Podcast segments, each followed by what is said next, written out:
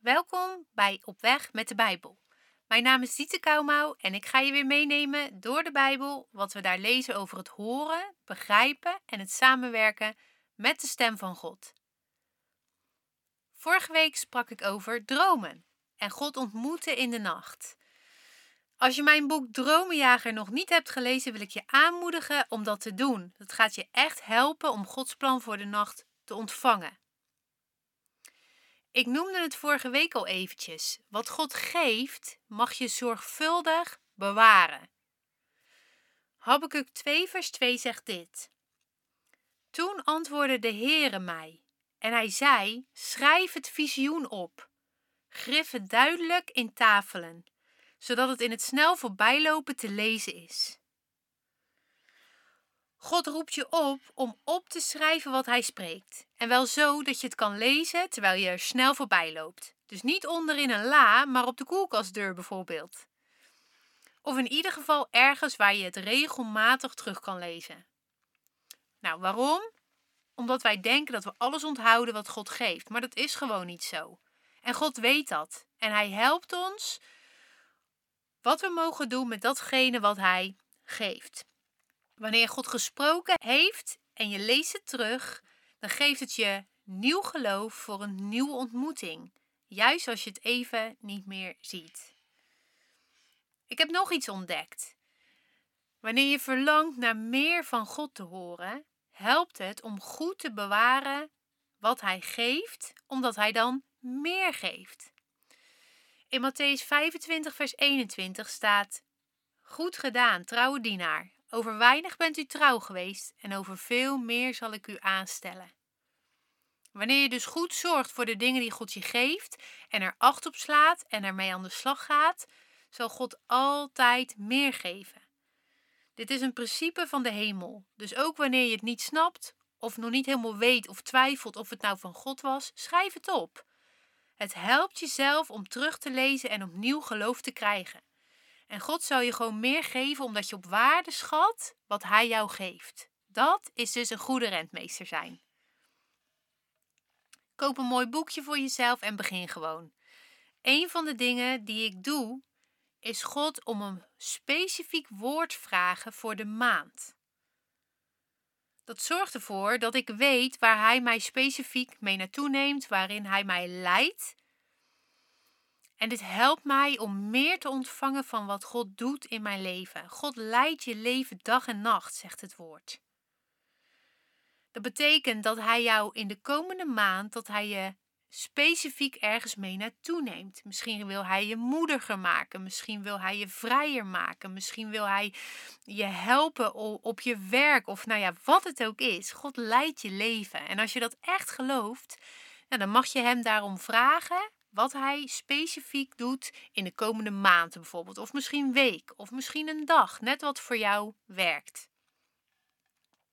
Ik heb via social media al heel veel mensen hierin geïnspireerd om hetzelfde te doen.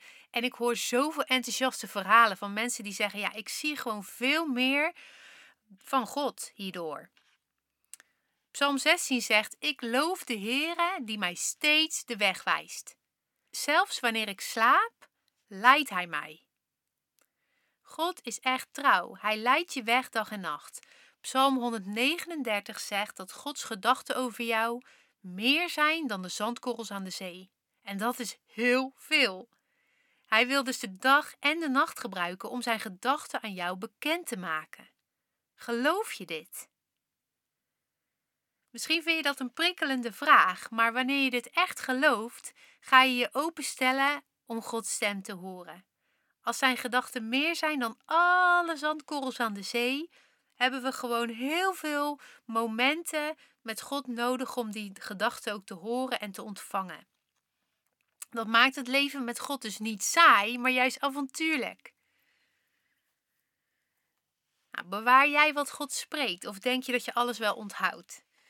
Pak er eens gewoon een schriftje bij of een app op je mobiel om notities te maken. En wat je ook kan doen, is het inspreken in je voice recorder.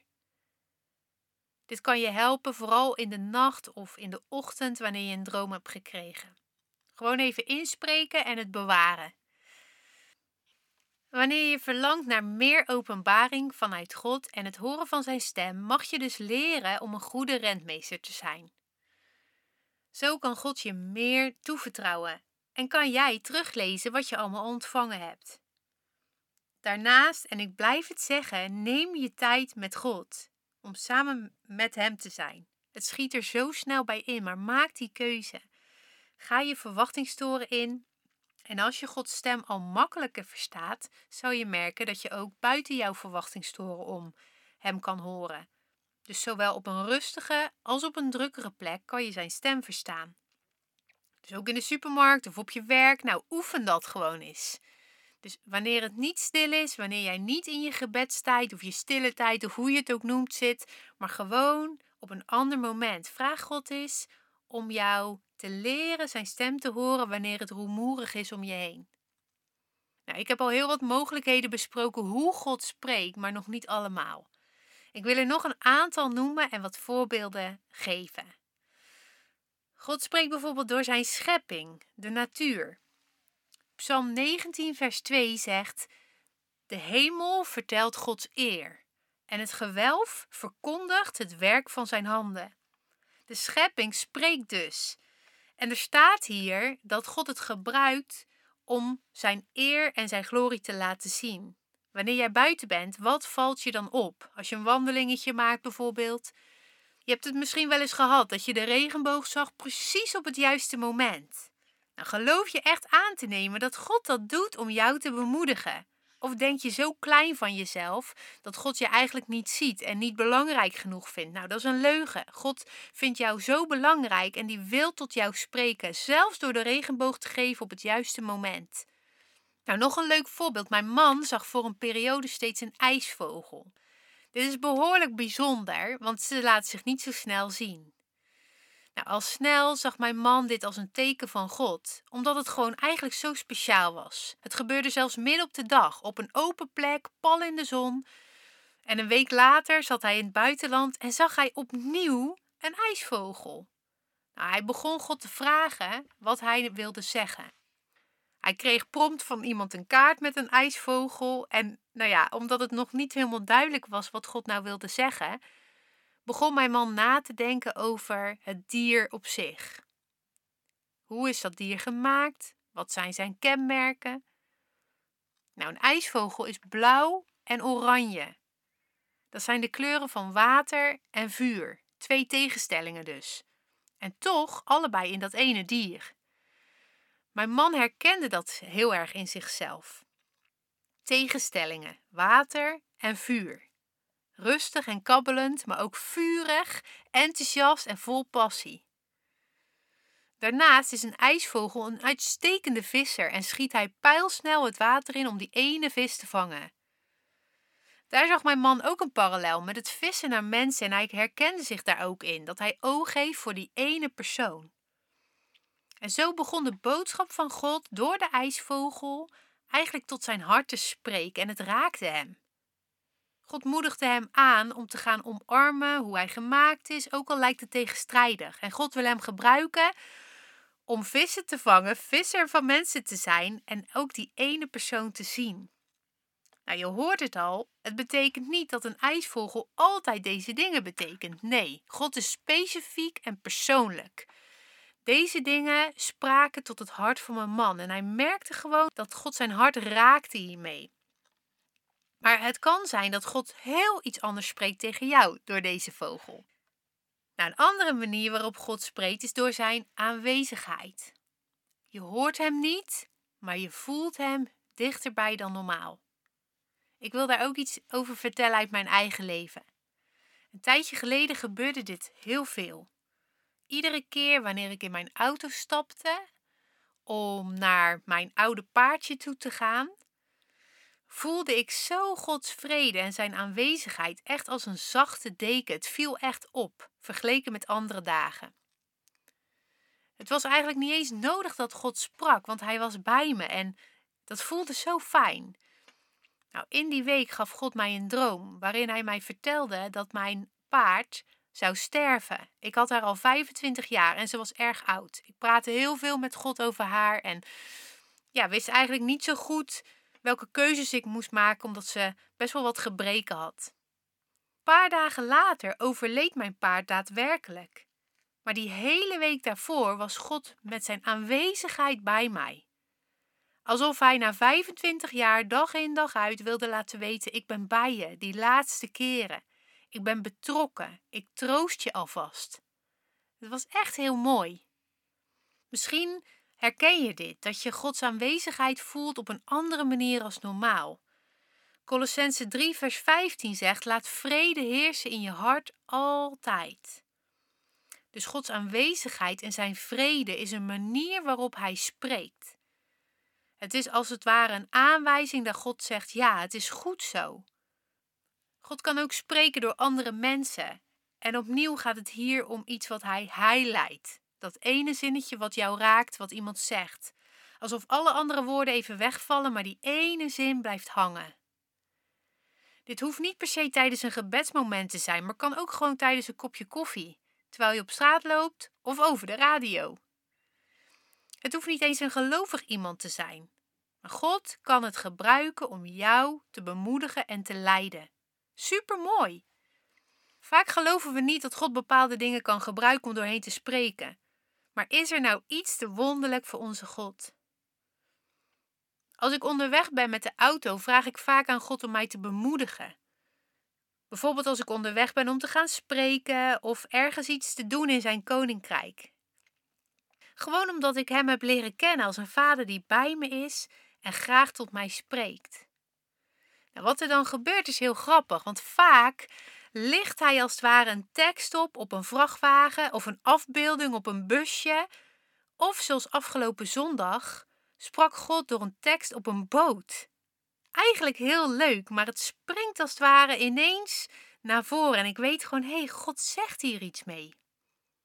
Zie je dat het alles te maken heeft met geloof?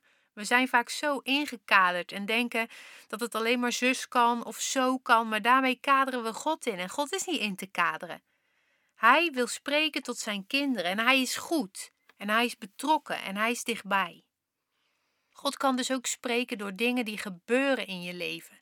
Evenementen, dingen die je, iemand die je ontmoet, iets wat er gebeurt. Het hoeft ook niet altijd direct duidelijk te zijn dat het van God is, maar soms krijg je, kijk je terug en zeg je: hé, hey, dit was gewoon Gods leiding. Dit was niet zomaar een dag of zomaar een ontmoeting. Dit was iets wat God heeft georganiseerd om mijn hart te bereiken, om tot mij te spreken. Zo kan God spreken door allerlei plaatjes, symbolen, dieren. En we lezen dat al in de Bijbel, dat God zeer gedetailleerd is. Hij zegt bijvoorbeeld precies welke materialen, kleuren, voorwerpen er gebruikt moeten worden bij het bouwen van de tabernakel. Hij laat niks onbenut om door alles heen te spreken. Al deze symbolen hebben een dubbele betekenis en verschillende lagen waardoor Gods grootheid zichtbaar wordt. De Hebreeuwse taal zit vol met symboliek en elke letter heeft een waarde en een betekenis. En alles wat een naam krijgt in de Bijbel, krijgt dat met een reden. God doet niks voor niks. Zo kan God nog steeds spreken door getallen, kleuren, voorwerpen, namen, dieren, kleding en noem maar op. Zodra jij ogen krijgt om te zien, zal je veel meer gaan zien en horen van God en ervan genieten. Openbaringen 1, vers 15 zegt dat Gods stem is als de vele wateren.